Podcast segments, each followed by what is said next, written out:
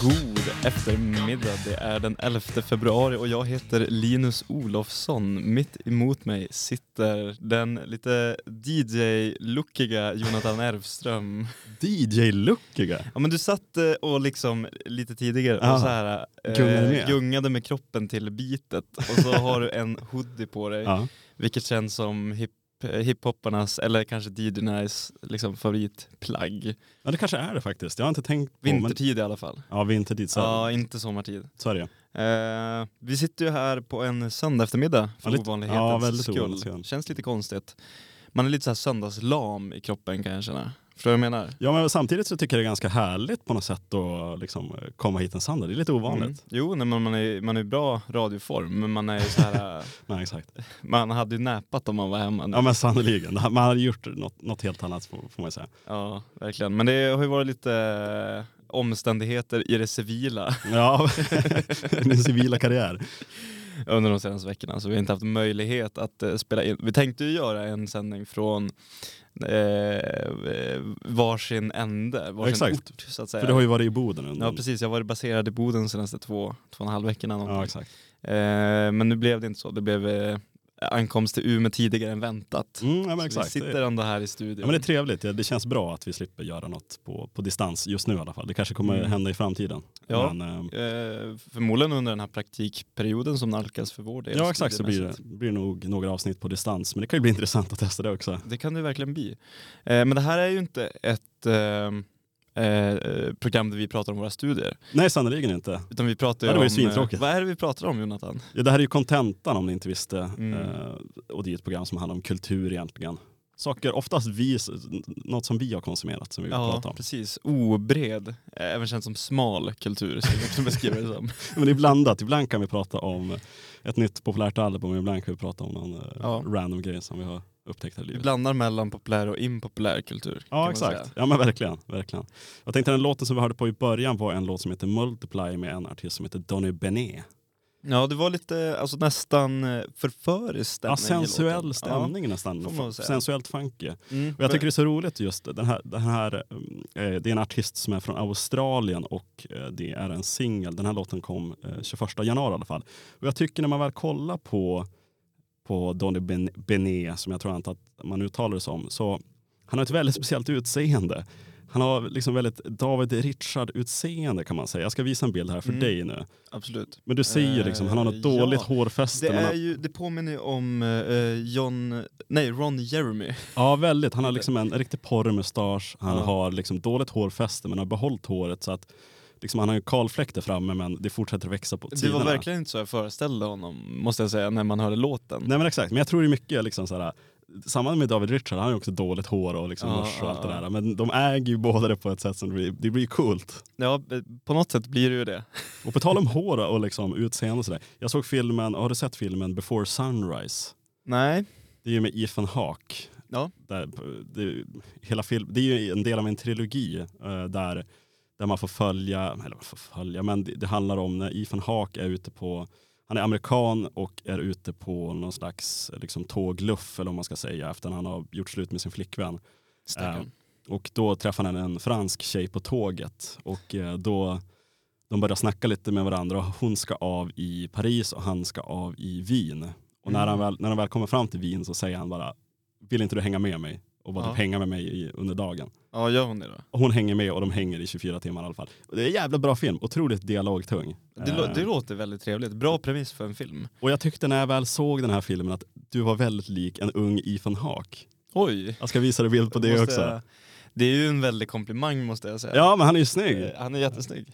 Ta- tack Men, men jag tror det är något med håret och ni har samma ansiktsbehåring också. För. Ja, det skulle kunna vara det. Om, man, om jag var mörkhårig. Ja, exakt. Då, du ska få färga, färga ditt hår och liksom ansiktsbehåring m- liksom brunt eller svart. jag måste säga det, jag klippte mig för någon vecka sedan på Anna Märtas på Renmarkstorget. Kan rekommendera varmt. Det var så? en väldigt Ja. trevlig upplevelse. Det var första gången jag gick till en, jag vet inte om man kallar det damfrisering för de erbjuder ju herrklippningar också men det är för Ja. långt hår och då har de ju, du vet när man sitter bakåtlutad och så tvättar de Ja, håret.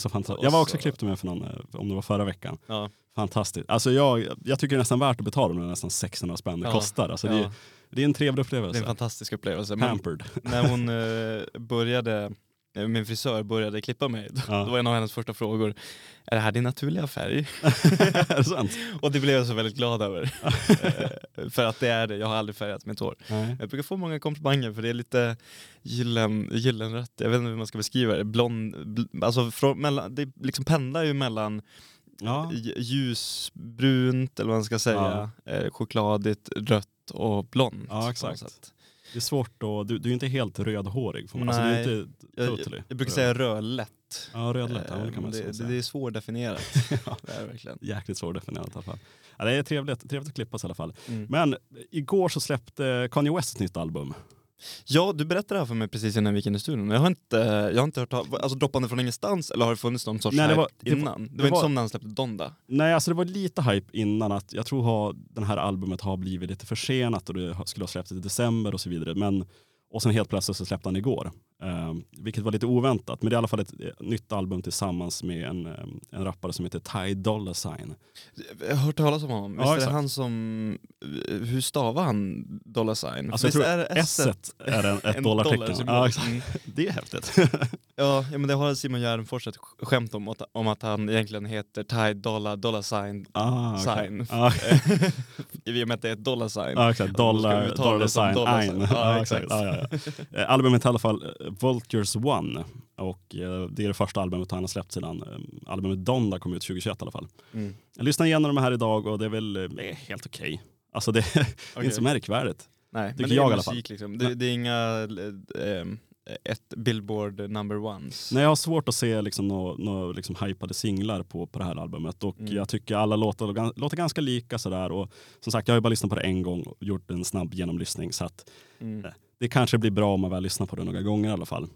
Men i alla fall, Kanye har ju haft ett skakigt jävla år får man ju säga. Eller skakiga några Det var år. ju så många rubriker att man lite har slutat bry sig kan Ja. jag känna. Alltså det var från att de här hit, Hitler-grejerna, Ja, exakt. då har man bara, ja men vad fan, nu orkar jag inte med, vad är det här för skitstövel, jag pallar inte. Och så ja, jag har inte riktigt brytt mig sen dess. Nej exakt, att man är så här, ah, det, det, man blir less. Alltså, så här, I början var det så här, jävlar vad fan sa han för någonting? Ja precis. Nu säger han, ja det är ju Kanye. det är samma med Trump. Ja exakt. egentligen. Han sa grab him by the pussy, alla bara varför kan vi, vi kan inte ha Ja. en sån här människa i riksdagen och nu är han bara Trump liksom. Ja men exakt, nu är han liksom, han är bara som han är. Men i alla fall, jag läste, eh, läste en artikel här i Pitchfork som kom ut igår när albumet släpptes och ja, liksom, de skrev liksom att ja nu har Kanye släppt det här nya albumet med Ty Doll- Ty Dolla Sign och så vidare och så vidare. Men egentligen så handlar hela artikeln om alla sjuka saker han gjort det senaste året i alla fall. Ja, just det, som en, först en rubrik och sen är det bara bakgrundshistoria. Bakgrundshistoria till det här albumet. det är klassiskt format på en artikel som inte har så mycket substans. Nej, exakt, exakt. Bara, vi har egentligen bara två meningar att säga, men det, han är ju kul så vi, vi sätter bara in hans Wikipedia som brödtext och så har vi en banger-artikel. Jag tänkte jag ska gå igenom lite vad som nämns här i artikeln för det är mycket, det är mycket som har hänt här senaste året får man ju säga.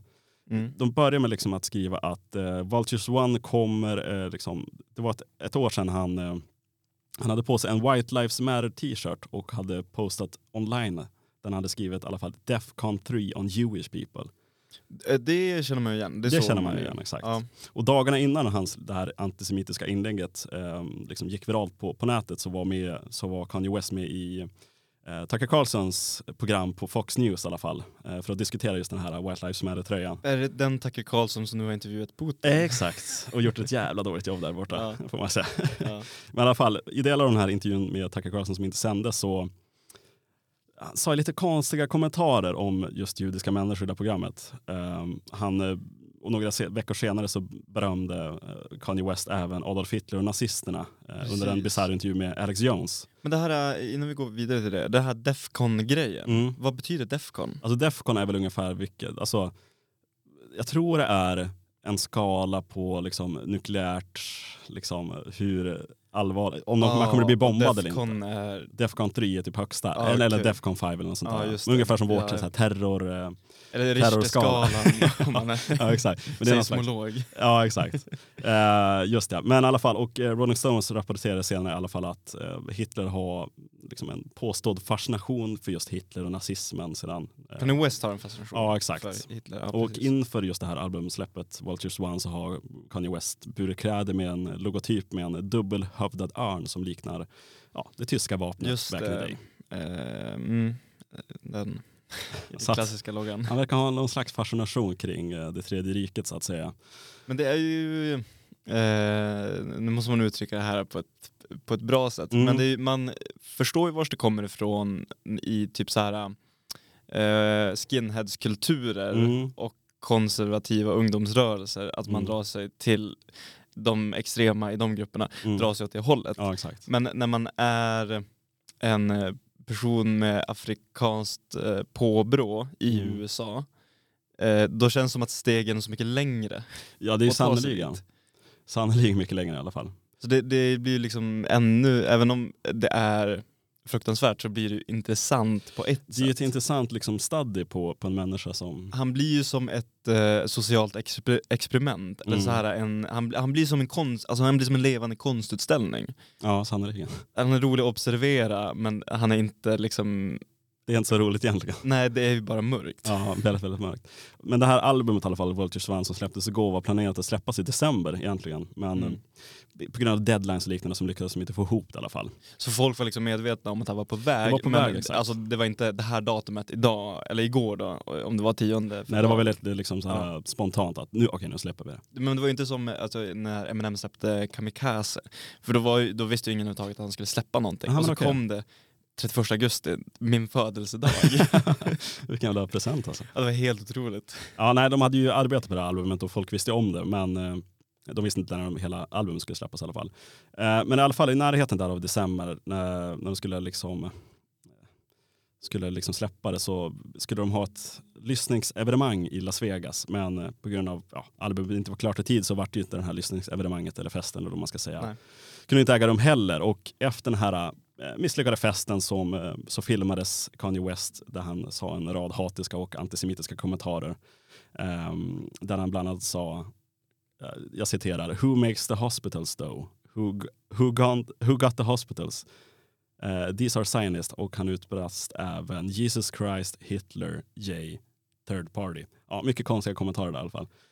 Jag, jag, jag tänker så här, eh, om vem som helst hade sagt det här, då blir man ju jättecancelled. Men när man är Kanye Mm. West, även om man blir cancelled så blir man liksom inte cancelled. För han han är sin slags- egen plattform. Han kan, man kan liksom inte, Nej, hur mycket folk inte uppskattar honom så kommer han ju igenom all form av radioskugga Mm. för att alla vill veta någonting om honom. Och han, liksom, han har allting väl baserat på hans egna plattformar så det Exakt. går liksom inte att sudda bort honom. Nej på något sätt, han är ju alltid med i någon slags paria i bak. Ja, det, det är en så här, han är alltid med, det går inte att cancella honom på något sätt. Nej. Men i slutet av december så gick eh, Kanye ut, ut på sociala medier för att ge en ursäkt till eh, den judiska communityn i alla fall. Och eh, Okej.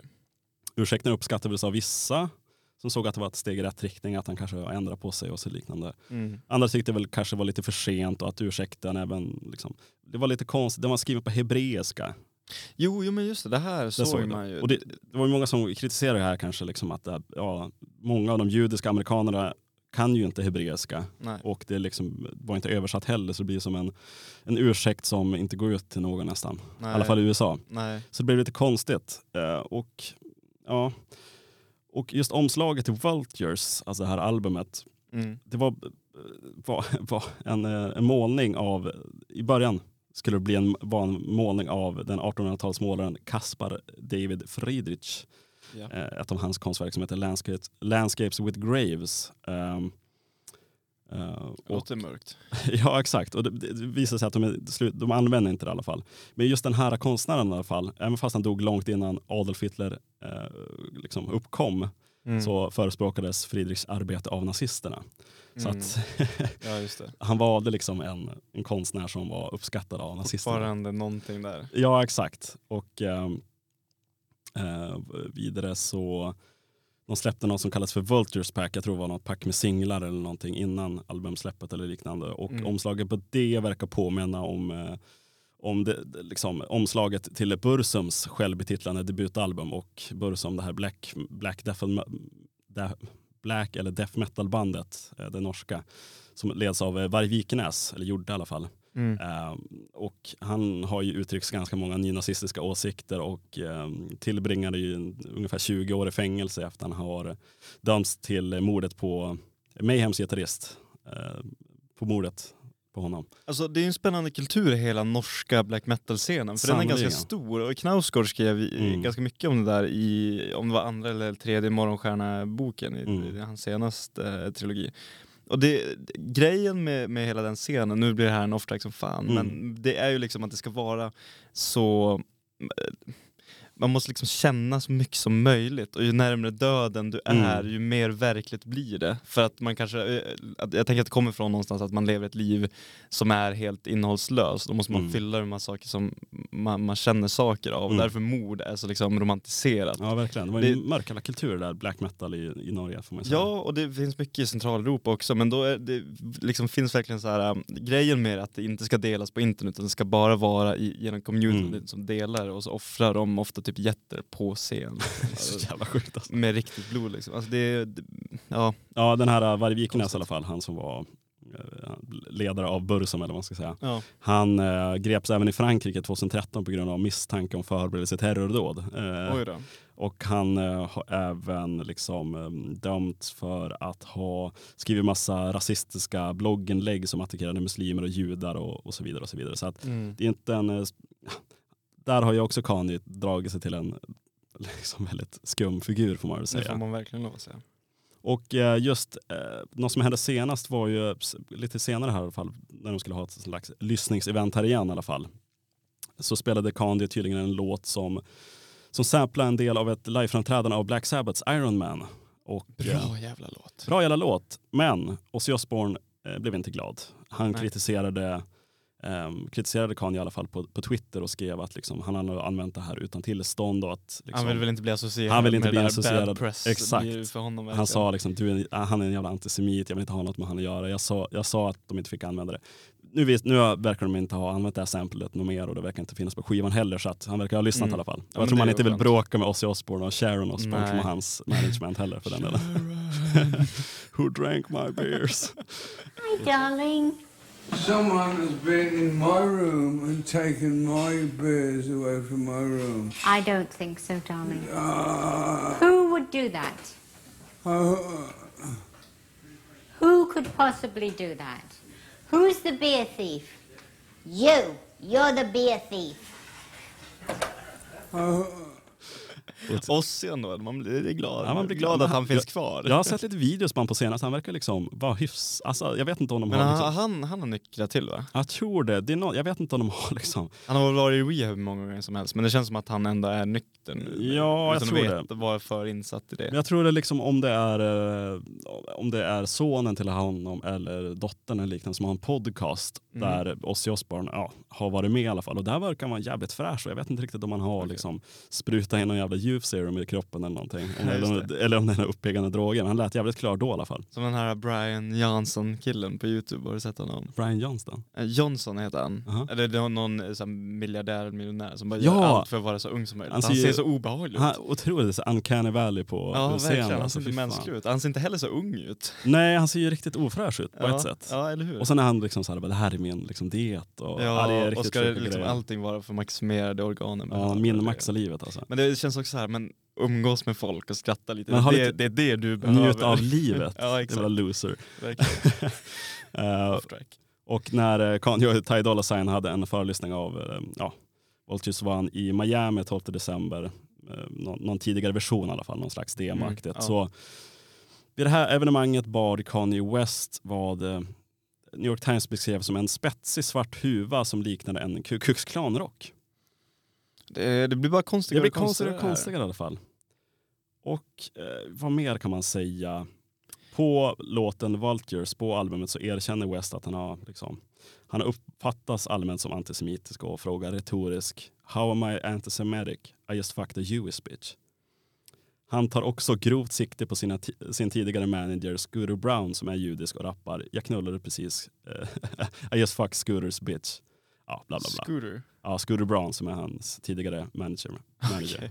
Men alltså det känns ju som att eh, när man har kommit till den här punkten, Mm. han vill bara provocera känns det Ja, jag vet inte riktigt vad han håller på med. Alltså han är ju obviously, han, jag kan ta den avslutande grejen i alla fall. På, på det avslutande spåret King så upprepar Kanye West i alla fall Crazy, bipolar, antisemite and I'm still the king.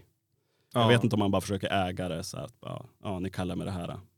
Där är det då. Men jag tror Men jag också på något sätt att han så här, jag kan göra, alltså det var jag var inne på innan lite, att jag kan göra vad fan som helst, jag kommer fortfarande vara Kanye West och folk kommer fortfarande lyssna Exakt. på musik. Alltså vad jag gör, vad jag säger, Mm. hur provocerande eller fel det än är, Mm. så kommer jag alltid att gå segrande ur mina strider. Typ. Jag, jag, vet, som sagt, jag vet inte vad man ska säga om allt det här som har, som har hänt. Och liksom, han, är, han har ju obviously liksom mentala problem. Han är ju ja, bipolär Mm. och, och troligtvis inte medicinerad Nej. det heller. Det fin- Känns- Men storhetsvansinne känns det som. ja, sannerligen. Alltså, vad heter, det finns någon slags symptom som heter så här, så här att man har, ja, det är storhetsvansinne, att man, liksom, Mm. man tror att man är gud över någonting. Ja. Ja, Men, ja, Jesus-komplex. ja, men lite så faktiskt. Att man är liksom, delusion of grandeur eller vad det heter. Ja. Men det, det är ju väldigt spännande hur han, ja, spännande spännande, det är ju tragiskt att han liksom tar så mycket inspiration och liksom, jag tror det, jag tror det är mer just den här estetiken han gillar över eh, liksom det här, det här kontroversiella av nazismen och om Absolut. death metal. Och jag tror det är mer estetiken än kanske åsikterna. Men det tror, känns som att han, han, försöker ju, hitta en nisch. han försöker hitta en nisch men det är en dålig nisch att gå in på. alltså. Ja, jag, jag tror det som blir så problematiskt är att även om han förstår att det finns mycket med nazism som är jättedumt Mm. så når jag ut till en gigantisk amerikansk publik som är kanske oinsatta och bara ah, men jag älskar Kanye Mm. och nu ah, tycker jag också judar är dåliga. Eller alltså så här, Ja. förstår, det, det känns så lätt manipulerat Mm, mm. att använda de forum han har för Mm. att sprida de åsikterna. Det är väl därför han får eh, bli kritiserad också. Men alltså, Mm. det känns som att han ändå är medveten om att det finns mycket aspekter som är dåliga som kanske inte följer med i sättet han uttrycker Mm. sig. Nej, han uttrycker sig väldigt klumpigt liksom, Mm. överallt och jag vet inte riktigt hur jag ska sluta. Det är konstigt när man liksom lägger en ursäkt, liksom lägger ut en ursäkt till, till, till den judiska communityn eller judiska folket eller vad man ska säga och sen går det att göra samma sak, upprepa samma jävla budskap eller åsikter än en gång. Mm. Ja, och man, man kan ju inte ta han seriöst. Liksom. Nej det går inte att ta honom seriöst och det är väl där i början man kanske försökte, ja ah, fan vad sjukt, han försöker bara provocera men på något sätt blir det så här, okej men hur långt får man gå egentligen att provocera? Han har ju obviously gått för långt. Ja, ja Nej. gång på gång Gång dessutom. på gång, exakt. Men det blir ju också som Trump on, alltså till slut, Mm. för han har ju också, han, i början när han började kandidera och Obama sa typ, ja men jag, jag kommer i alla fall komma ner i historien som en president och Mm. menade på att Trump aldrig kommer göra det. Alltså det Mm. fansk ju ingen som trodde att Trump skulle kunna ens sätta sig in i politiken och nu Nej, är han förmod, en, liksom den största, med mest sannolikt kandidaten som kommer gå längst i det uppkommande valet om han inte liksom, blir, ja, exakt, blir, något, blir dömd Ja någonstans. exakt. Nej han Eh, kommer troligtvis vinna valet skulle jag nog säga också. Ja, och det är ju någonting när man har möjligheter och plattformar för att få folk att tycka Mm. om en. Då Mm. kan man ju säga vad fan som helst uppenbarligen. Uppenbarligen. I Ja, USA i alla fall. I USA i alla fall. Jävla USA. Ja. Jag tänkte vi kan ju ta, ett, vi kan ju ta en, eh, en låt här från det nya albumet i alla fall. Um, får vi lyssna på hur det låter i alla fall. Absolut. Vi ska lyssna på en låt som heter Back to Me med Kanye West och Ty Dolla Sign.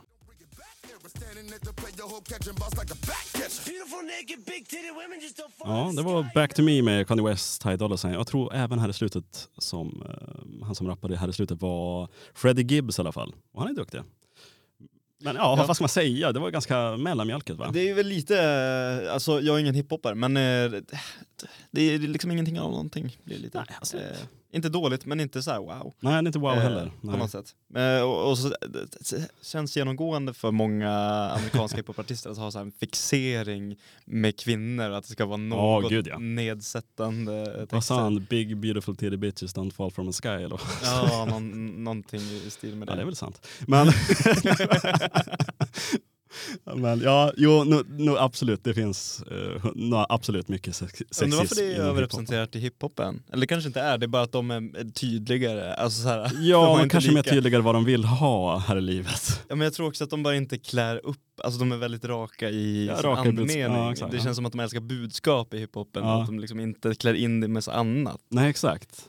Jag menar, överlag har väl män genom historien alltid varit lite nedsättande mot kvinnor, men det kanske Mm. bara att eh, liksom Eh, artister i andra genrer har sjungit om eh, hur vackra de är, att de ska liksom Ja, uppvakta exakt. dem, men egentligen är de svin innerst inne. Ja. Hiphoppare är bara liksom genomskinliga Ja, ja, ja, ja. och kanske därigenom ännu mer det- vad ska man säga, det är kanske lite ärligare. Det, Ja. det, det är kanske lite, jag vet inte. Ja men alltså, fan ärlighet var ju längst som man säger. Ja, ja, Får man precis. säga. Det får man lov att säga. Eh, men eh, från det ena till det andra, eller eh, en... Eh, ska, eh, eh, Herregud. Kanye West skriver ju en del. Ja det gör han Så verkligen. från en författare till en annan Ah. så skulle jag vilja prata om eh, James Joyce. Mm. Vår allas James Joyce. Ja, känner, känner du till? Jag känner Honom. till eh, honom, har inte läst någonting av honom måste jag säga. Nej, han har inte skrivit, eh, jag vet inte hur många exakt han publicerade romaner, men runt fem sex. Men han känns sen, som en väldigt amerikansk författare va? Eller är han från eh, USA? Men han känns väldigt amerikansk. Att det är liksom en, en del av den amerikanska liksom, eh, folklore. Han är ju irländare, eller han skriver om sin hemstad ah, det, kan, Dublin. det kanske är mer, han, han är väldigt irländsk, det är väl det? Okej, ja, jag hade fel där. Det var någon annan jag tänkte på kanske. John ja, Steinbeck eller något sånt. ja, förmodligen Steinbeck. Det är väl, Nej men nu när du säger James Joyce, absolut. Irländsk ikon. ja, eh, men det får man lov att säga. Jag Mm. har väl inte jätte, jag är inte så inläst på honom som person, eh, men hans eh, mest hyllade verk Ulysses har jag hört och läst ganska mycket om, eller det är återkommande i min mediekonsumtion så nämner folk Ulysses, kanske framförallt Knausgård som jag Ja. var jättebesatt av för ett, för, för ett år sedan och nu är min favoritförfattare hittills i livet. Men det, det är väl också, Ulysses är väl en riktig så klassiker. Alltså, när man talar om det finns ett, liksom, en uppsjö, eller liksom 20 böcker som kan anses Ja. som verkligen är klassiker och är väl Ulysses en del av liksom, den här klassiker. Det är den ju absolut och det finns någon sorts eh, biblioteksorganisation global som har utsett den till 1900-talets viktigaste verk. Ah, okay. Och det finns ju alltid klassiker men jag tror att det som står ut med Ulysses och kanske 10-20-tal andra böcker genom världshistorien Mm. är att den är viktig från ett allmänt mänskligt perspektiv än från ett lite litterärt perspe- perspektiv. mm. Alltså här, om man ska välja ut 20 böcker Mm. som har skrivits sedan människan lärde sig att skriva så skulle det kanske vara en av de Mm, viktigare mm. istället för att om man kollar på noveller som tar upp människans jada jada Ja. så, utan det, det blir som allmängiltigt, allmänmänskligt på något sätt. Ja, det det liksom betyder så mycket mer än det, litteraturen. Just det. Eh, brukar det väl sägas. eh, Säger experten i alla fall. Ja, precis. Eh, när James Joyce skrev den här så menade han att eh, språkprofessorer kommer behöva studera hans verk i hundra år för att liksom eh, reda ut allting han vill ha sagt med den här boken. Och i, i någon utsträckning har han rätt för det görs fortfarande liksom, eh, vad ska man säga, rapporter och Mm, liksom, mm. utredningar av små passager och vad han egentligen försöker säga. För han har liksom kokat ner mänskligheten känns det som Mm. i, i en bok. Och den är un, ungefär 700 sidor lång tror jag. Då, och då är det ganska eh, stora sidor så att säga och, Mm. och, och liten text. Och varje passage är så liksom informationstung Mm. och skriven på ett så eh, briljant och, och liksom informativt men ändå naturligt. Det känns inte så jävla, eh, vad ska man säga, alltså eh, pretentiöst. Nej. För många hyllade författare känns som att de har en lång pinne upp i röven, att de Ja, verkligen gud, försöker. Ja. skriva, nu ska det vara så, det ska bara vara utbildade kulturmänniskor som kan läsa det här. Mm. mm. Det känns verkligen som att han, alltså att man tar ett foto av någonting, Mm. men i ord. Det är beskrivande. Ja, det är på Men jag, jag tänkte, fanns en liten likhet där mellan James Joyce och Kanye West. Storhetsvansinnet. Ja, Att kunna säga att liksom, min bok kommer om hundra år fortfarande att studeras. Så här jävla bra är den. Alltså. ja. Så jävla liksom, komplex. Eller vad man ska Det är säga. ju, men där får man också ge honom rätt. Ja, I någon mån. Det är liksom kanske för tidigt att avgöra med Kanye. Vem vet? Alltså. Om hundra år kanske folk studerar Kanyes texter. Ja, vem vet? eh, Men han har, han, sen har han aldrig påstått att folk kommer göra det. Han Nej, har påstått det. en massa andra saker. Massa, han har postat mycket. Ja, nej men intressant koppling där. Ja. Eh, men eh, jag har påbörjat, eller eh, liksom påbörjat ett försök att ta mig igenom den här boken. Sen får Ja. vi se. Det är nog en, en bok man kanske återkommer till. Det är som Bibeln på något sätt. Ja, Alltså man kan läsa den i varje del av sitt liv och hitta nya, passar. Liksom. nya andemeningar på något Men sätt. 700 sidor och med jävligt små text, det är ju tufft att gå igenom. Ja, Det är men ett jag, projekt. jag ser det inte som att jag bara har, har något att läsa utan jag ser det mer som språkstudier. Typ. Ja, alltså jag sitter med, eh, först när jag tänkte läsa den här. Jag gjorde misstaget att låna den på engelska från stadsbiblioteket Mm. och så satt jag på tåget till Boden och läste första sidan och så insåg jag att det här kommer inte gå. Exakt. Det- Det kommer verkligen inte gå. Nej, jag kommer nej. behöva läsa liksom, engelska kurs i två år i alla fall för att vara i närheten och förstå Kanske gammalt, liksom, gammal engelska. Ja, det, delvis det, men även när jag läser den på svenska. Och nu läser jag en ny översättning från 2012 Ja. eh, av Erik Andersson. Den, den svenska översättningen som fanns innan den Mm. från 40-talet någon gång. Mm. Eh, och det tror jag inte att jag hade klarat av att läsa heller. Nej, Och även den här nya översättningen är väldigt ansträngande och jag sitter med ett anteckningsblock och skriver upp hela tiden det jag inte förstår och Mm. försöker googla det. och det blir väldigt mycket som det, man det är måste lära svårt, sig. om, svårt när man läser vissa böcker. Jag har läst alltså, vissa böcker på engelska där man säger okej vad fan betyder det ordet nu? Mm. Och liksom så här, man sitter och googlar samtidigt. Så Exakt. man förstör liksom upplevelsen nästan. Att man behöver googla saker och ting. Men det är lite att eh, jag har accepterat det faktumet. För Ja, det. jag är inte på någon alltså, språklig nivå att kunna läsa det här och förstå allt. Nej, just det. Det går liksom Nej. inte. Och en sida kan jag verkligen sitta med om man vill Mm. i en dag och sen läsa den och bara hitta nya grejer. Eh, så, men jag försöker läsa igenom det och så skriva ner det jag inte förstår och så tar jag det sjok där jag liksom googlar upp det och försöker hitta så jag ändå har en bra uppfattning om vad det är han försöker säga med storyn i alla fall. Mm, mm. Det är så jag tar mig an det. Men det var något nyskapande när, när den här då kom. Då. Den skrevs 1922 Mm. eh, och han eh, försöker beskriva sin älskade hemort Dublin och den utspelar sig under ett dygn i staden och följer lite olika karaktärer. Bland annat en Steven Dalius som ska på något sätt vara en, en variant av honom själv, säger de som har läst, läst och forskat på den här boken. De som kan. Ja men precis, men det som var speciellt med den när, när han skrev den är att han använde sig av ett begrepp som i, inom litteraturen kallas stream of consciousness, Mm. eller på svenska inre monolog. Mm. Eh, och det var ett begrepp som var väl, eh, relativt nytt, eller jag tror att det användes första gången i litteratursammanhang 1915, alltså bara Mm. några år före han publicerade den här boken. Och det stream of consciousness betyder, eller jag har ett citat direkt från Wikipedia så att man kan få en uppfattning om vad det innebär. Mm. Det låter så här. eh, På engelska då. Stream of consciousness is a narrative device that attempts to give the written equivalent of the character's thought process, either in a loose interior monologue or in connection to their actions. Stream of consciousness writing is usually regarded as a special form of interior monologue and is characterized by associative leaps in thought and lack of some or all punctuation. Mm. Eh, och det här blir ju...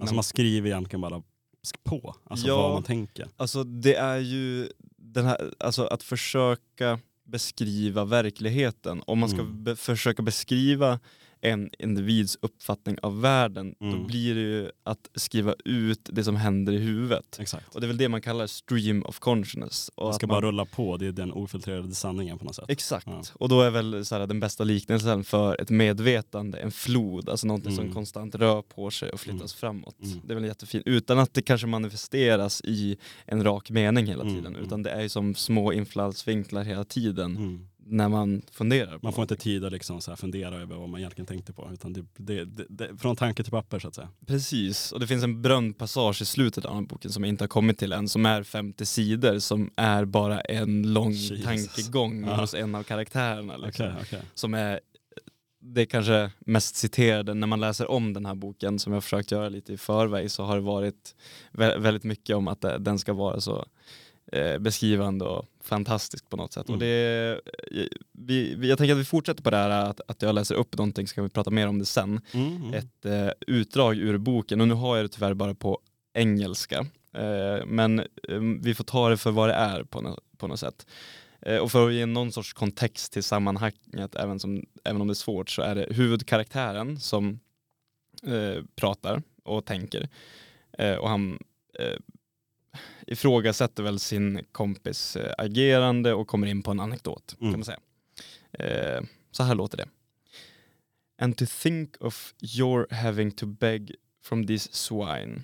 I'm the only one that knows what you are. Why don't you trust me more? What have you up your nose against me? Is it Haynes? If he makes any noises here, I'll bring down Seymour and will give him a ragging worse than they gave Clive Kempthorpe. Young shouts of moneyed voices in Clive Kempthorpe's room. Pella faces. They told their ribs with laughter, one clasping another. Oh, I shall expire. Break the news to her gently, Aubrey. I shall die. With slits, slit ribbons of his shirt whipping the air, he hops and hobbles round the table with trousers down at heels, chased by aids of Magdalene with the tailor's shears. A scarfed calf's face glided with marmalade. I don't want to be debagged. Don't you play the giddy ox with me? Shouts from the open window, startling evening in the quadrangle. A deaf gardener, a prawn masked with the masked with Matthew Arnold's face, pushes his mower on the somber lawn, watching narrowly the dancing motes of grass. To ourselves, new paganism, omphalos.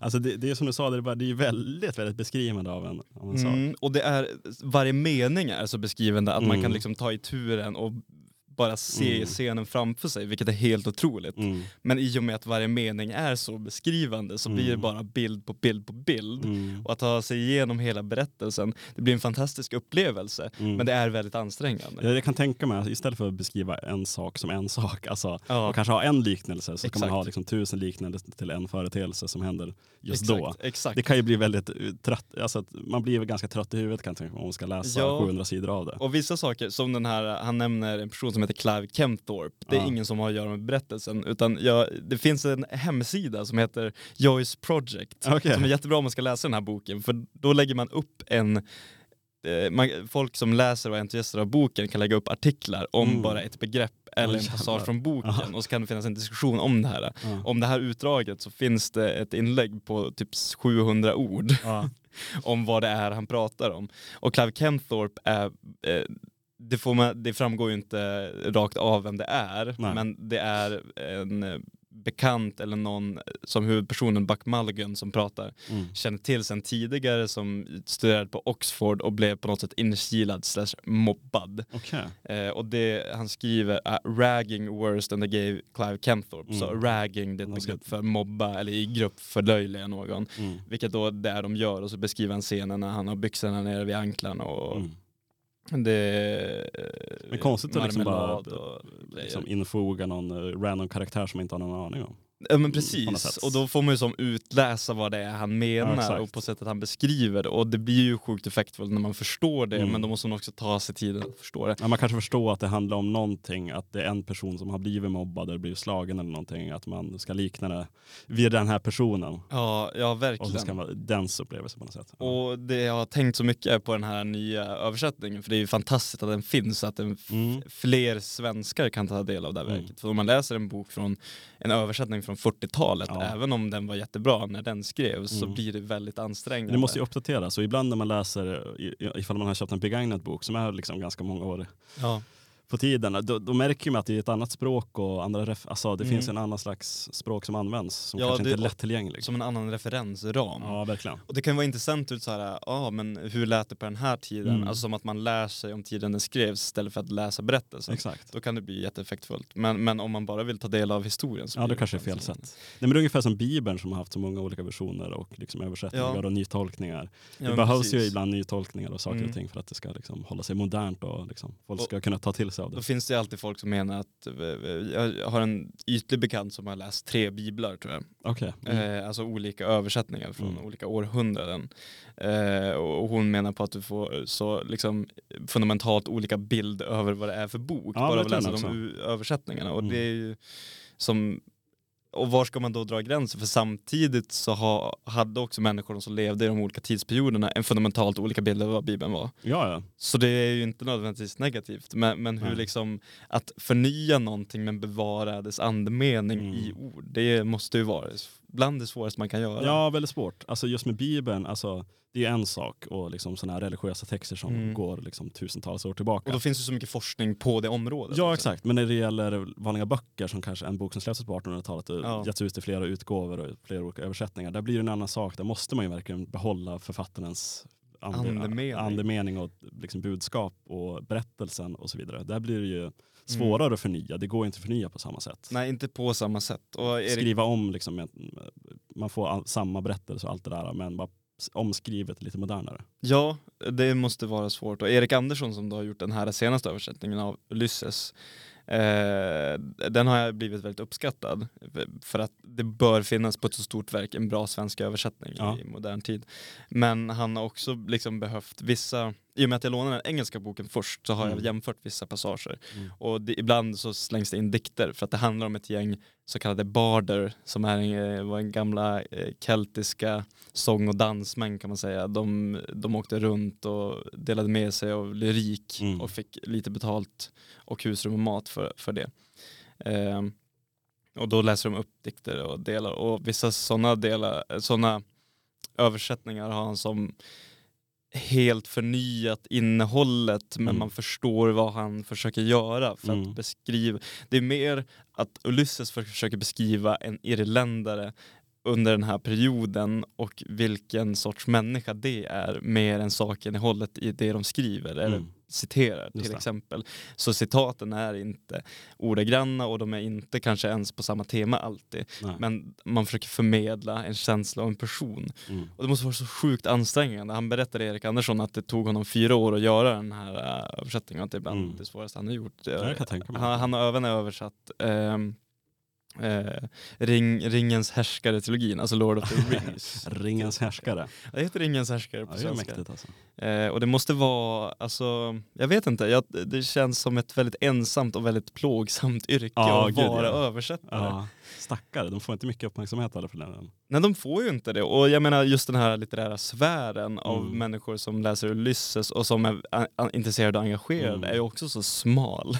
Ja, men jag kan ju också tänka mig att många översättare får lite skit över liksom såhär, det, det, på ett sätt är det lite såhär kontroversiellt att såhär, okej men eh, som sagt hur mycket frihet får man ta som översättare? Mm.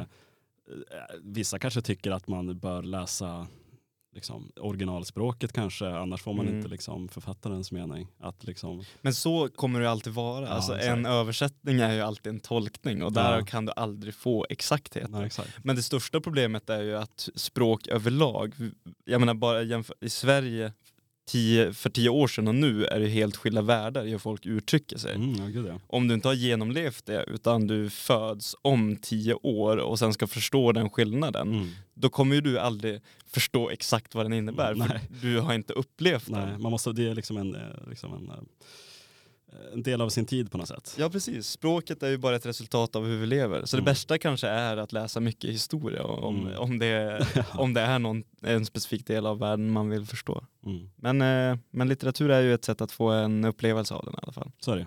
Ja, men eh, det, det, det var det jag hade att säga om Ja, men väldigt intressant. Det är, den här irländska författaren och hans mastodontverk. Nu får vi se om jag tar mig igenom det. Jag har inte läst så mycket. nej exakt, det här kanske liksom, som sagt som du sa att det blir ett, eh, ett verk man får återkomma till kanske Mm. lite nu då. Precis, men eh, vi, jag tycker vi tar och lyssnar på lite musik på temat. Det är någonting med irländska och det irländska språket som fungerar bra i, även i sång. Mm. Eh, och en av mina favorit eh, irländska låtar är Dropkick Murphys låt Shipping Up to Boston.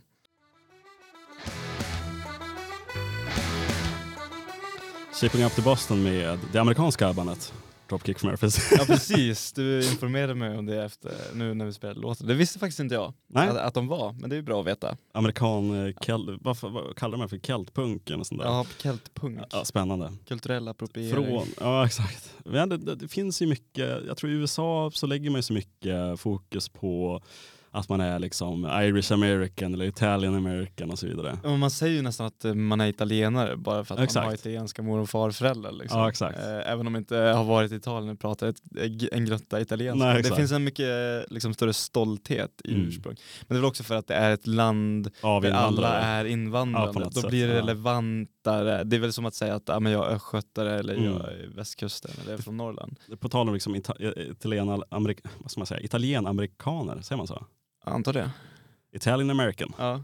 Det, Sopranos finns det liksom ett bra ehm, ett bra avsnitt när Pali åker, jag tror det är Pali och eh, Tony som åker till, eh, till, till Italien för att träffa någon maffiafamilj där Ja. och liksom Pali märker av att liksom, det han upplever är italienskt är egentligen inte italienskt. Nej, det att är han kan inte språket och liksom han, han ber om liksom, eh, spaghetti and gravy eller någonting och de fattar inte vad han menar. Även fast det är liksom en... Det finns ju en scen när han sitter själv på ett café och bara försöker vara trevlig och så Ja. säger han typ buongiorno eller någonting. Ja, han Så det blir- säger, eh, vad fan han säger, commendatori. Ja just det, Commendatori. Och de bara kollar på honom. Ja exakt. Inte, liksom. Det- liksom, nej. Och när han väl kommer tillbaka till New Jersey och liksom bilen glider in och man ser det här äckliga jävla New Jersey och Ja, vet, exakt. fabriken och allt det där. Ja. Han liksom ler upp att nu känner han sig hemma igen. liksom, Italien är egentligen inte hemma, det är New Jersey. Det, han, han, han är hemmakär i diasporan. Ja, han gillar, Liksom. exakt, han gillar liksom att vara liksom, Italian American. Ja. Och det är väl, ja, det är ju hans identitet. Ja. På, något sätt. Eh, på tal om Soprano så har man ju, jag har sett lite på tv här på sistone i alla fall. Kul. Och jag såg bland, ibland, idag såg jag bland annat det sista avsnittet av Historien av Sverige. Jaha, kul. Historien om Sverige heter den. Det känns tryggt att du sitter där och kollar på det. Ja, d- du har inte kollat på det eller? Jag har inte, jag tänker alltid att jag måste göra det, men jag har liksom inte jag har inte haft ro, jag har inte, Nej. jag har inte velat sätta mig ner med en kopp te på kvällen. Då inte, det kanske blir ikväll faktiskt, jag känner mig Mm. lite sugen. Men har du, du, har du, kollar du på första avsnittet? Ja, de första två. Ja, just det. Nej, för jag tyckte det liksom, jag hade också en, såg de första två och sen tog jag en paus ett tag och sen började jag se kapp och, Mm. och sådär. Och sen de här senaste tre har jag sett liksom, Men de kom visst, ut. de senaste tre har väl varit, eh, nu är de väl inne på moderna Sverige? Exakt, och det här sista avsnittet går man från 1920-tal till nutid. Det vill man ju verkligen se. Exakt, och jag tycker det var jäkligt bra i alla fall. Ehm, som sagt, jag tycker lite, vi pratade ju när den här serien kom ut så var Jonas här bland annat. Precis. när vi pratade om den här serien. Det var ju så stor hype där i början, men jag tycker den har dött av lite och jag vet inte riktigt hur väl de har lyckats med serien egentligen. Hur, hur många är det som har kollat egentligen? Jag kan ju inte yttra mig om själva produktionen i och med att jag bara sett de första två. Men Mm. jag håller med dig om att det var väldigt mycket så här, ah, kul att de gör en riktig satsning i början Ja, exakt. och sen har man inte hört något mer. Nej, exakt. Eh, och jag vet ju då inte om det beror på att kvaliteten har gått ner eller för att folk bara inte riktigt kanske har orkat ta sig an det. Nej, för ju kvaliteten är fortfarande bra. Den är fortfarande jävligt bra. Jag tror att det, är, det liksom blir så stora epos, och Mm. speciellt de här första avsnitten utspelar sig liksom under tusentals eller hundratals Exakt, år. ja. Och då blir det så informationstungt Mm. att man så här, eller så, det är nog därför jag inte tittat, för det blir så här, men ska jag ta mig till en till tidsera? Det är Mm. liksom, det är så, så mycket och, det är som Mm. en hel intressevärld Mm. liksom intryckt i en timme och det blir liksom så Mm. anständigt. Så kanske är en serie som kommer leva under åratal istället. Att Ja exakt. Det kanske inte så liksom en stor, alltså jag tror de första avsnitten var ju en stor hit. Alltså det Mm. var ju så många som Mm. skrev om det så här. Men Absolut. nu har det dött av jag vet inte, jag har inte hört någon annan som har snackat om det heller. Nej. Jag har även sett det sista avsnittet av eh, dokumentären om eh, Tom Aland. Ja, just det. Har du sett eh, den dokumentären? Tyvärr har jag inte det. Det Nej. borde man också kolla på med tanke att vi håller Fin- på, på finns- med dokumentärer. Exakt, finns också på SVT Play i alla fall. Mm. Och Tom Aland är ju en klassisk eh, svensk eh, dokumentärfilmare i alla fall. Mm. Och eh, det som är intressant med just den här Tom Aland-dokumentären är att det ska ju vara en dokumentär om honom. Mm.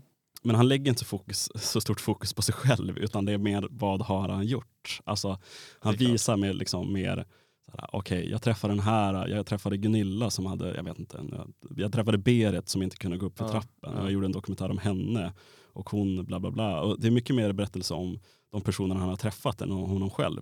Men det känns ju klassiskt konstnär, att man inte, den plågade själen vill inte tänka på sin självbild utan bara fokusera på andra. Nej exakt. Nej exakt, för jag tror att Tom Aland är en sån jävla humanist. Han bryr sig liksom om, så mycket om andra människor. Mm. Så liksom, även om det är en dokumentär om honom så ska det handla om andra. Mm. Så att, ja, men jag tycker det var bra också, tre delar som sagt och finns att se på SVT Play också.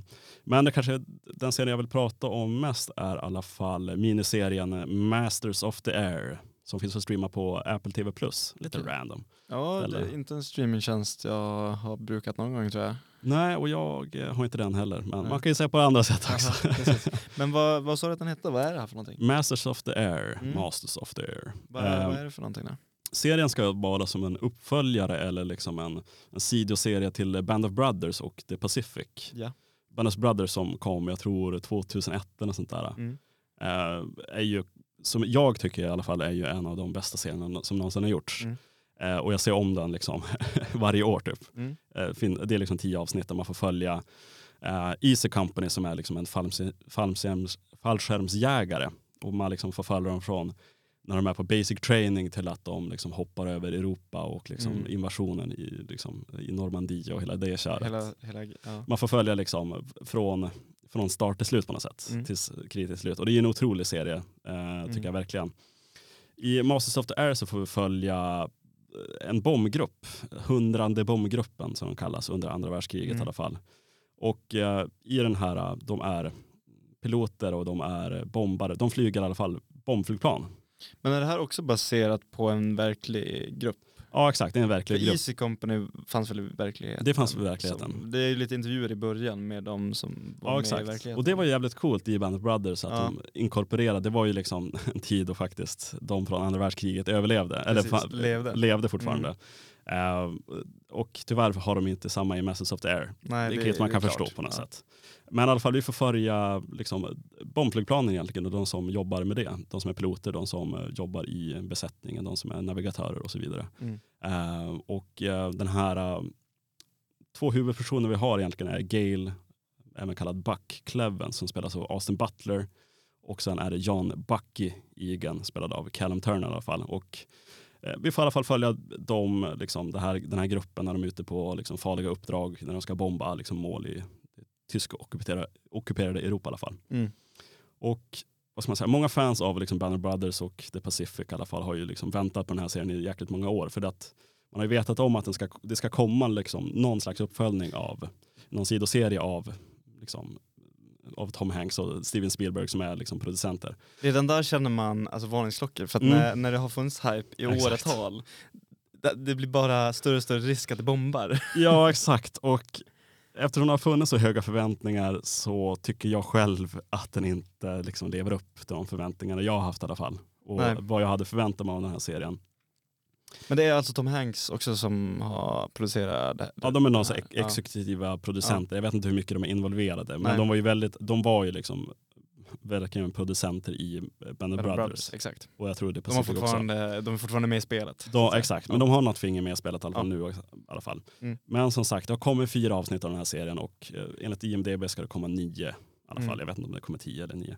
Och jag tycker de två första avsnittet är rätt så sega och de senaste två så har det börjat hända lite grejer i alla fall. Ja. Som sagt, det är Austin Butler, han spelar huvudrollen och en duktig skådis helt klart. Mm. Han var ju blev alltså väldigt känd när han spelade Elvis i Elvis-filmen. Just det. Men kan det vara, alltså det det kommer ut veckovis? Eller finns Exakt, det är veckovis. Ja, det kan det vara att när det till slut knyts ihop, att det Mm. blir som ett stort epos, att man då kanske uppskattar det mer? Jag får att bara en det långsam början. Det vet man ju inte. Eller så kanske det finns för stora brister redan nu som inte går Nej, att hämta exakt. hem. Men som sagt, Austin Butler som spelade Elvis.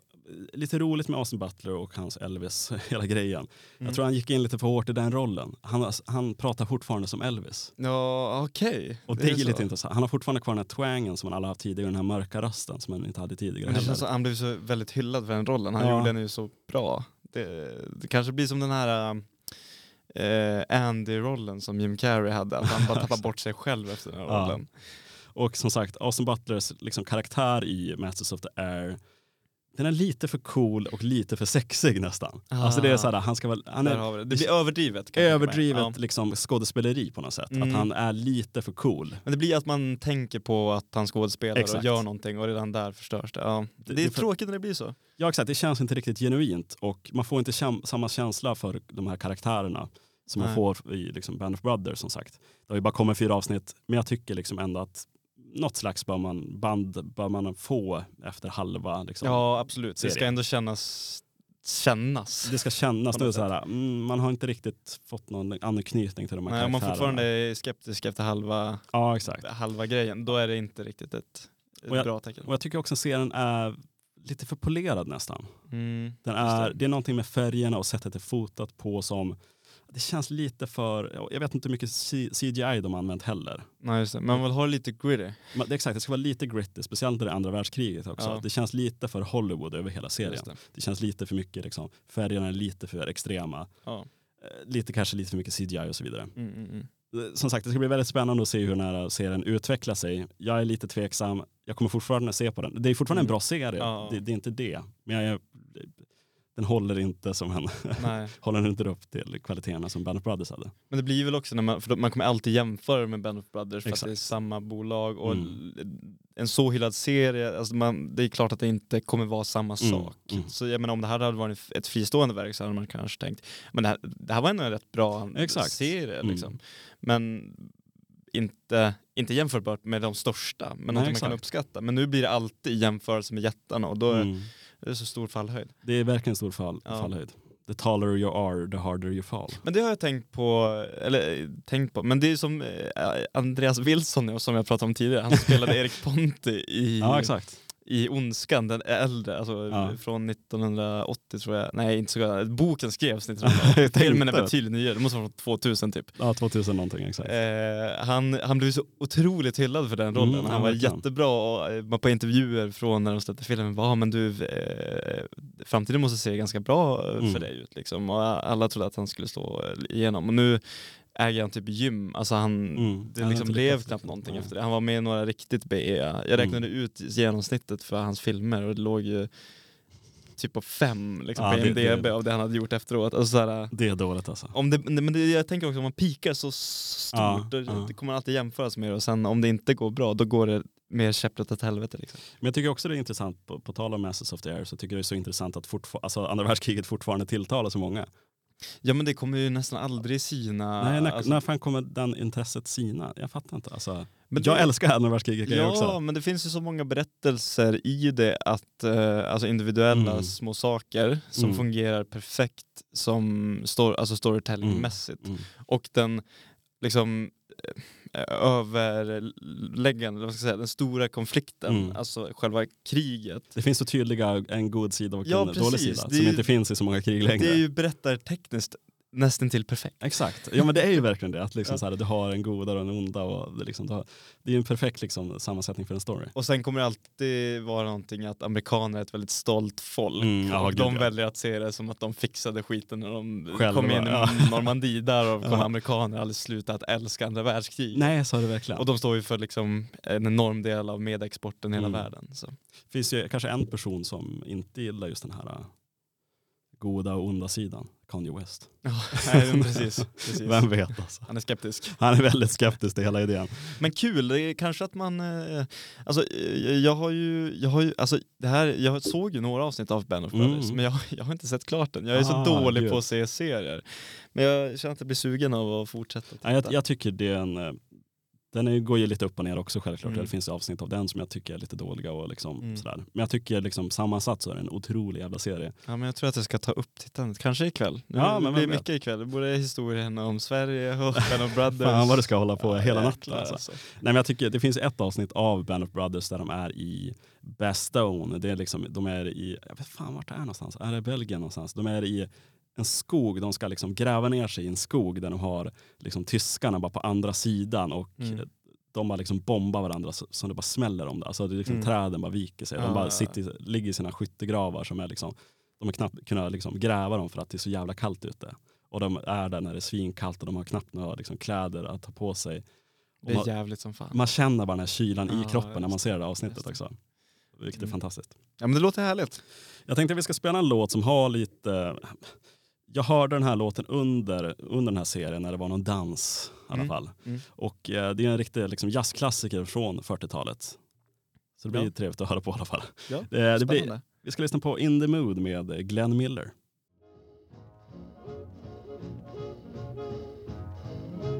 In the Mood eh, med Glenn Miller. Ja, det här är- blir man ju glad av. Ja Alltså, men visst blir man det. det jag tycker låten, låten låter nästan som ett, eh, ett tåg som går framåt, liksom chaggar Ja, framåt. lite så. Men det, det, det är verkligen så här framtidshopp i sån här ja, musik. visst. visst. Det är nästan som att det är så att det ska låta som ett tåg, som att han tar Ja, sig fram, långsamt framåt. Det, Jag, jag tror jag lyssnade på en, eh, på en podcast som gjord av P1 eller någonting som hette Räls. Mhm. Som var jävla trevlig. Jaha, vad handlar den Det handlar om tåg. Ja, bara, Okej, bara tåg. Bara om tåg och om tågresande. Specifikt. Och jag undrar om det var In the Mood de hade som signaturmelodi. Men det var, det var inte ett poddavsnitt, alltså det var en hel podd Ja exakt, som, Som de gjorde handlade två om- säsonger av tror jag. som handlade bara om tåg. Ja exakt, ja, väldigt trevlig. Spännande. Ja. Glenn Miller i alla fall, en Ja. klassiker inom, inom jazzen så att säga. Ja, Jag tror även han spelade under, liksom, åkte runt under andra världskriget på massa baser och spelade jazz och grejer. ja, det känns som klassisk Ja. andra världskriget musik. Ja exakt, verkligen. Verkligen. Ja, med danserna. Eh, men eh, läser du tidningen Jonathan? Ja, jag gör faktiskt det. Mm. Kul. Mm. Vad- Känns vad- som ett nödvändigt. Vad brukar du välja att läsa? Jag brukar läsa VK, Folkbladet, Aftonbladet, DN. Ja, Aftonbladet, eh, kul att du säger det. Ja, brukar också läsa Aftonbladet. Det brukar du sannoliken göra. Eh, och jag kom över en artikel som handlade lite om eh, barnlöshet att göra. Mm. Tänker du på barnlöshet någon gång? Ja men ibland gör man faktiskt det. Du, både du och jag råkar ju vara barnlösa, Ja, som av en ren slump. som en ren- slump. Jo men det är klart man tänker på det ibland, att liksom undra när man kommer att skaffa barn. Kommer man skaffa barn överhuvudtaget? Ja, du, är du, du är lite där i, om, eh, du har inte bestämt dig så att säga. Jo, nu, har nu vill jag ha barn någon gång i livet. Mm. Men det är frågan när.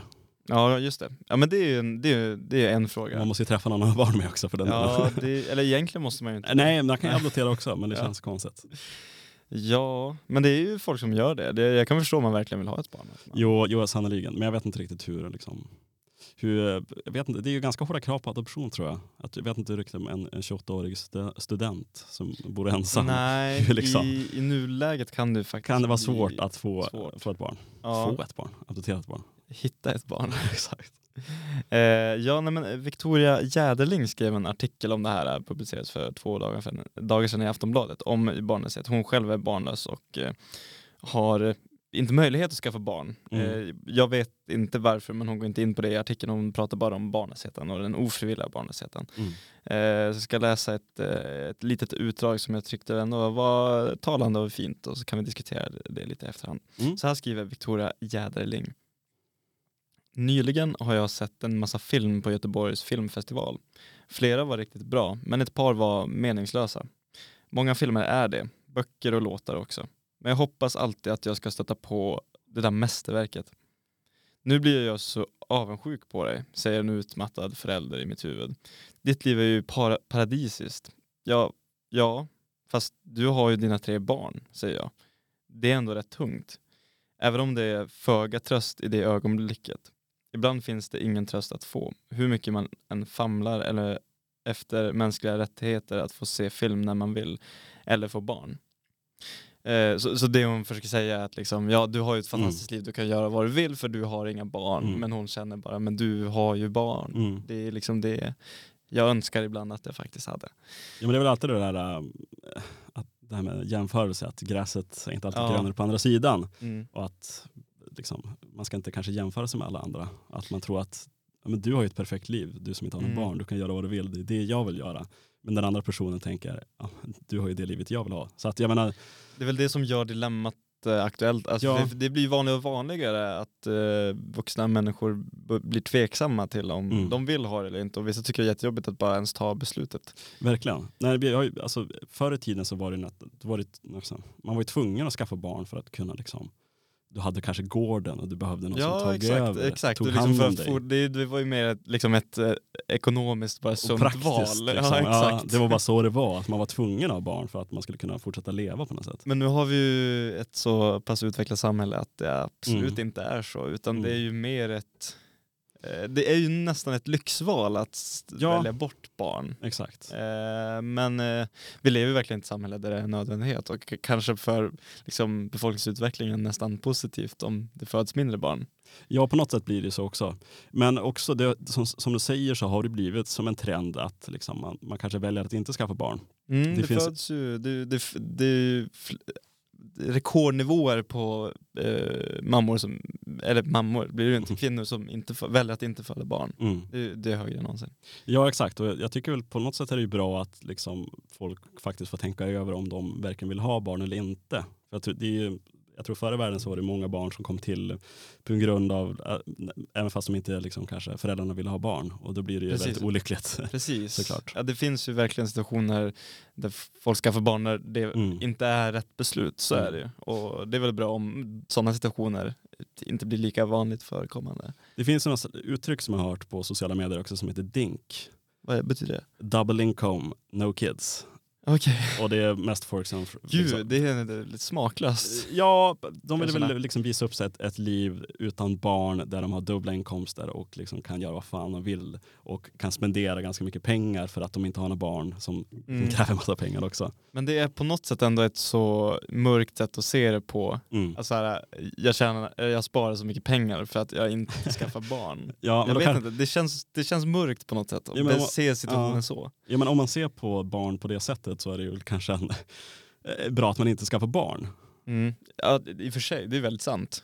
att ser man på barn som något mo- monetärt och något... Då ska man nog liksom- inte bli förälder. Nej, det, det, nej, det, är väl sant kanske. Så de, de har nog kanske gjort rätt beslut i alla fall. Ja. De, de som ja, beskriver sig själva som dinks, de, Ja, exakt. de är nog ändå inte förutsatta att bli föräldrar Exakt, jag tror, jag tror de lever livet ändå. Jag tror de är ganska nöjda över sin situation som Ja. liksom, barnlösa. Ja, men det... det eh, jag, jag kan inte... Kan du tänka dig det? Att inte skaffa barn? Alltså, eh, på något sätt kan jag väl tänka mig det, men ändå inte. Jag tror liksom när man tänker in i framtiden, att när man är, liksom, när man är äldre och inte har några barn, så Mm. det är där man så här, oh, Ja, lite verkligen. läskigt på något sätt. Ja. Man vill ju även se liksom, Men vad är det man är rädd för då egentligen? Det är ju bara ensamheten, är det inte? alltså att inte ha barn Ja. i framtiden. Jo men det är klart det är ensamheten man är, man är rädd för på något Ja. sätt. Men samtidigt är det ju många, alltså, många som eh, lever via sina, liksom, vad man kallar dem, liksom brors... Eh, Ja, alltså, Sina- sys- sina syskon. syster, systerbarn, ja brors exakt. Ja. barn. Vad säger man? ja jag vet något Ja. sånt där i alla fall. Nephews på Sys, syskonbarn. Ja exakt. Ja. Det är väl många som lever liksom kanske genom, genom dem, att det blir som några barn som man kan ha. Mm. Det blir som sina egna barn men man behöver inte ha dem hela tiden. Och samtidigt är det väl många äldre som, om de inte har barn, lever liksom, har ett bra förhållande kanske Mm. och lever genom det. Men det är intressant i typ Japan så minskar ju befolkningen för att det är så många som Mm. att inte skaffa barn. Mm. Det är spännande att det liksom är i, i vår tidevarv det skiftar så att säga. Mm. Det känns ju ganska som en i mänsklighetens historia avgörande tidpunkt på något sätt. När man börjar säga att ah, nu, Mm. nu väljer folk faktiskt frivilligt att inte skaffa barn. Det är spännande om, liksom, för det har ju på något sätt med utveckling att göra. Alltså, Mm. Sverige är ett mer utvecklat land, vi har fler som väljer att inte skaffa barn. Mm.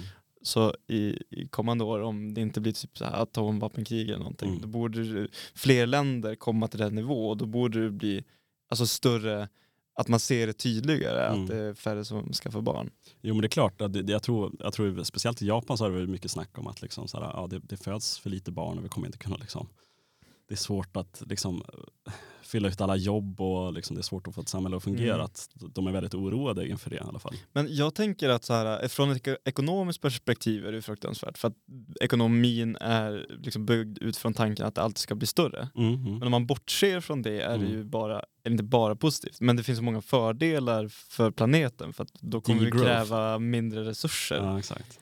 Så det, det blir ju liksom eh, positivt och negativt. Ja exakt. Nej men det är väl bra att man, man kan bestämma sitt eget öde på något sätt. Att Mm. vill man inte ha barn. Men sen är det ju många som, som vill ha barn men inte kan få barn också. Så är det ju. Mm, Det finns ju en barnlöshet i det också, precis som hon, Det- hon skrev i artikeln i alla fall. precis, och det är ju Det är ju lite mer tragiskt. det är, ju, det är verkligen säga. verkligen tragiskt. Och det är klart att det inte känns... Jag, jag förstår folk som väljer att inte adoptera. Mm. Det får man verkligen respektera för Ja, att det inte är ens Mm. eget barn. Liksom. Men jag tycker det skulle bli så, det som är lockande med att skaffa barn är att se sin avkomma på något sätt. Man vill ju se vad den personen blir för någonting. Ja, lite så. Minimys. Ja exakt, så hur, hur kommer den personen se ut? Ja. Hur kommer den vara? Kommer det finnas en likhet med mig själv? Ja, sådana där Mm. grejer är alltid men- intressant att tänka på. Det, det är spännande att fundera på att bli förälder.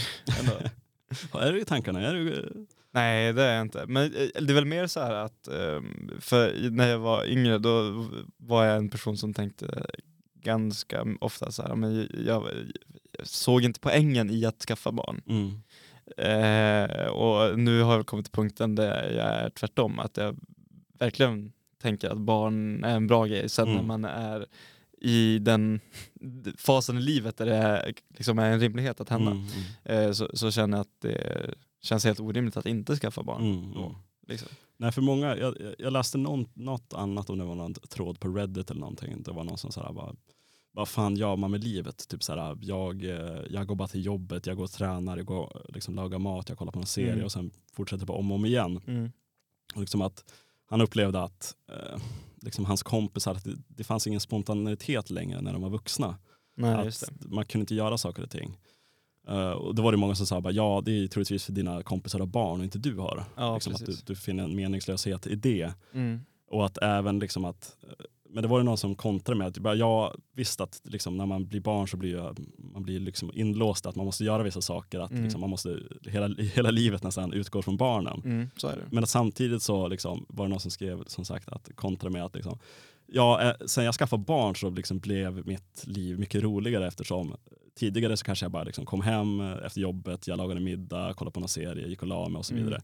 Men när jag väl skaffade barn så liksom, är jag tvungen att liksom gå ut i parken, jag är tvungen att gå ut Mm. i skogen, jag är tvungen att göra saker och ting liksom för mitt barn. Så Att- det blir delvis en ny mening, men som kanske person så blir man också Ja, förändrad, ja. mer aktiv och därav förmodligen gladare. Ja men exakt, alltså, bara, mitt, mitt, mitt liv har blivit så jävla mycket bättre. Ja. Och det är ju sällan man hör föräldrar som säger, liksom så här, vem skulle nu säga det, men att, liksom, att livet har blivit sämre med barn. Ja, Eller? det är ingen som är, skulle erkänna att de ångrar att skaffa barn. Nej, även fast jag tror det nog finns folk som gör det också. Jag tror Jerry Seinfeld har snackat om det där, äh, att han eh, sa det, att hur kan ingen säga att de ångrar att skaffa Nej, barn? exakt. Man hör ju aldrig det från föräldrar, att han Nej. säger jag skaffar barn. Jag kan ändå förstå att man ångrar att skaffa sina barn. Även om jag älskar mina barn. Ja, typ, ja, det, Ja. Han har sagt någonting om det där. Men jag ty- jag, ibland ser jag ofta liksom videos på, på, på nätet där ofta är det liksom någon kanske ens pappa, någons pappa eller någonting som kanske aldrig har gillat som aldrig har gillat hundar Mm. och liksom vill inte ha hund. Ja, precis. Liksom, vi ska inte skaffa en hund. Nej. Och sen kommer kanske dottern hem med en hundvalp och då Mm. blir de bästa vänner. Klassiskt. Exakt. Och det är ju fint på så sätt. Och det finns väl samma... det, på ett sätt, visst, personen kan ha blivit ändrad, att de gillar hundar och så vidare. Absolut. Mm. Men vad fan ska man göra om man fått en hund? Man måste ju ta hand om den. Ja, ja, man måste ju de älska den. bunden till Och det är väl Ja. samma sak med barn där också. Sådär. Ja, jag kanske inte vill ha barn, men när jag väl Nej, får man- barn, nej, ja, man då kan är man väl illa tvungen. Liksom. Barn och inte liksom fullfölja det. nej, exakt, exakt. Så att, ja, jag vet inte riktigt. Men ja, det är intressant det med barn. Ja, men eh, vi ska inte skaffa barn än. Nej, Så vi kanske nöjer oss med barnsnacket. ja, barnlösheten finns. Men eh, på, tal om, eh, på, på tal om barn och mammor så tycker jag att vi tar och lyssnar på låten Hon flyttar ut i Bergsjön av Nationalteatern. säger hon har hela livet framför sig. Och flytta ut till Bergsjön med Nationalteatern. Ja, en låt som kanske tar upp den lite dystrare sidan av att vara förälder. Ja, exakt. Men det blir svårare om man är ensam förälder och 24 år gammal, Sannerligen. får man lov att säga. Eh, Du, där några år kanske. Oj. kanske. Mörkt lät Det vet man inte. Progressivt av mig ändå vara ensam pappa. Ja, det är faktiskt. Alfons pappa. Du sitter där liksom och läser tidningen och röker pipa. Ja, men om, man, om man ska vara pappa vill man ju vara som Alfons Eh, pappa. eh, Ja, verkligen. Tror, ja, det finns något liksom väldigt typiskt. Många brukar liksom, en, en anekdot om Alfons pappa som många brukar dra upp är väl att han är typ 30 år. Ja exakt. De många räknat tror att han är gammal. Liksom. Ja, Ja. precis. Och så ser han ut som 50 liksom. Jag kollade på liksom, den nyare versionen av Alfons. Alltså, Jaha. de har gjort nya. Finns det nya ja, alltså animationer? Ja, exakt. Ah, okej. Och där röker han inte pipa längre. Nej det är klart. Det är klart. Men fan, är man blir besviken. ja, det är inte samma sak. Nej, han, han måste ha pipan. Alltså. Det är deppigt och nej, inte kul alls att Har, du se. sett dem eh, när man jämför honom med Fredrik Reinfeldt? Ja, gud ja. klassiker. klassiker. Ja. Fredrik Reinfeldt som nu är eh, ordförande för det svenska fotbollsförbundet. Mm, precis. Och det går väl sådär för honom. Ja, jag är inte så insatt. Nej, Men eh, många kräver hans avgång från Jaha. början. okej, vad är problemet? Ja, men det är väl, Är han dålig?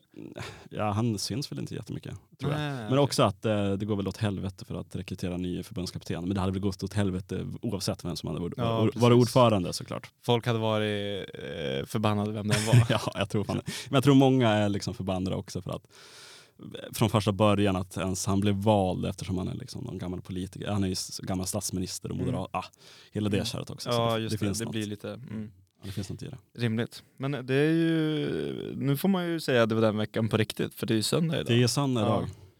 Känner du att din vecka har varit bra?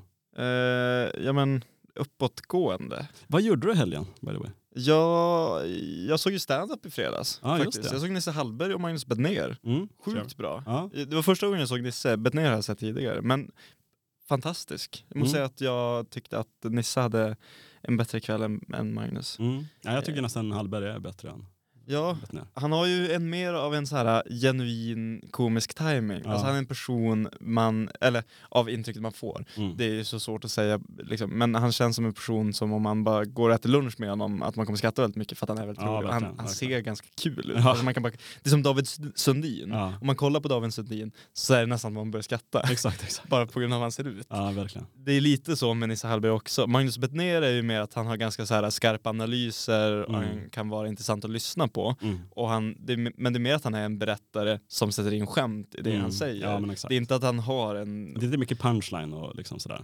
Precis, det, det är inte en människa som bara är underhållande Mm. i och med att vara sig själv, känns det som. Mm. Inte på samma sätt som Nej. Hallberg. Men eh, de funkade väldigt bra tillsammans också måste jag säga. Mm. Alltså, ja, det känns som mycket- att de har kört en del tillsammans också va?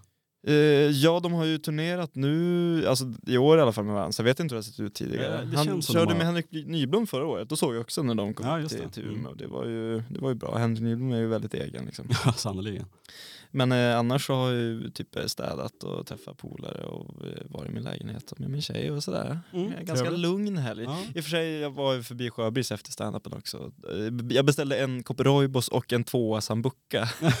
Fan vad Eh, annorlunda. eh, ja, men jag var, jag var inte, jag är, har överlag i år inte varit sugen på alkohol överhuvudtaget. Nej. Men jag tycker att sambuca är ganska gott. Ja, det är det eh, och så här, om, rent smakmässigt så tycker jag att sprit är ofta det godaste att dricka jämfört Mm. med kanske öl och viner.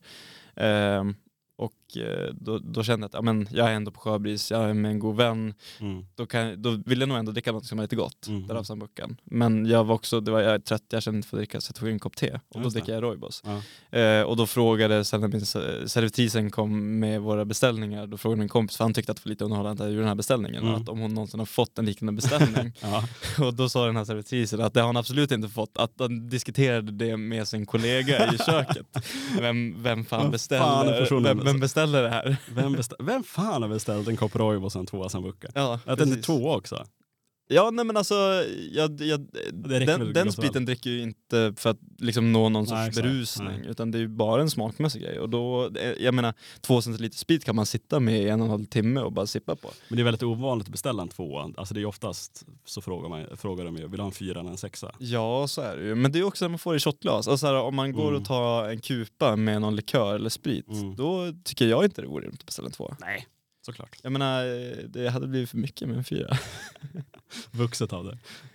Ja, men jag vet, jag, jag har liksom bara inte det här, äh, jag vet inte, det är någonting med, med det här året som eh, liksom, det här känns oläm, olä, jag, har inte varit på humör för det helt enkelt. En, nyktert år. Ja, jag tror att det kommer bli det nyktraste året för mig sen jag blev 18. Ja exakt, ja, kanske, kanske bra i alla fall. Hur, hur har din helg varit? Ja men det var bra.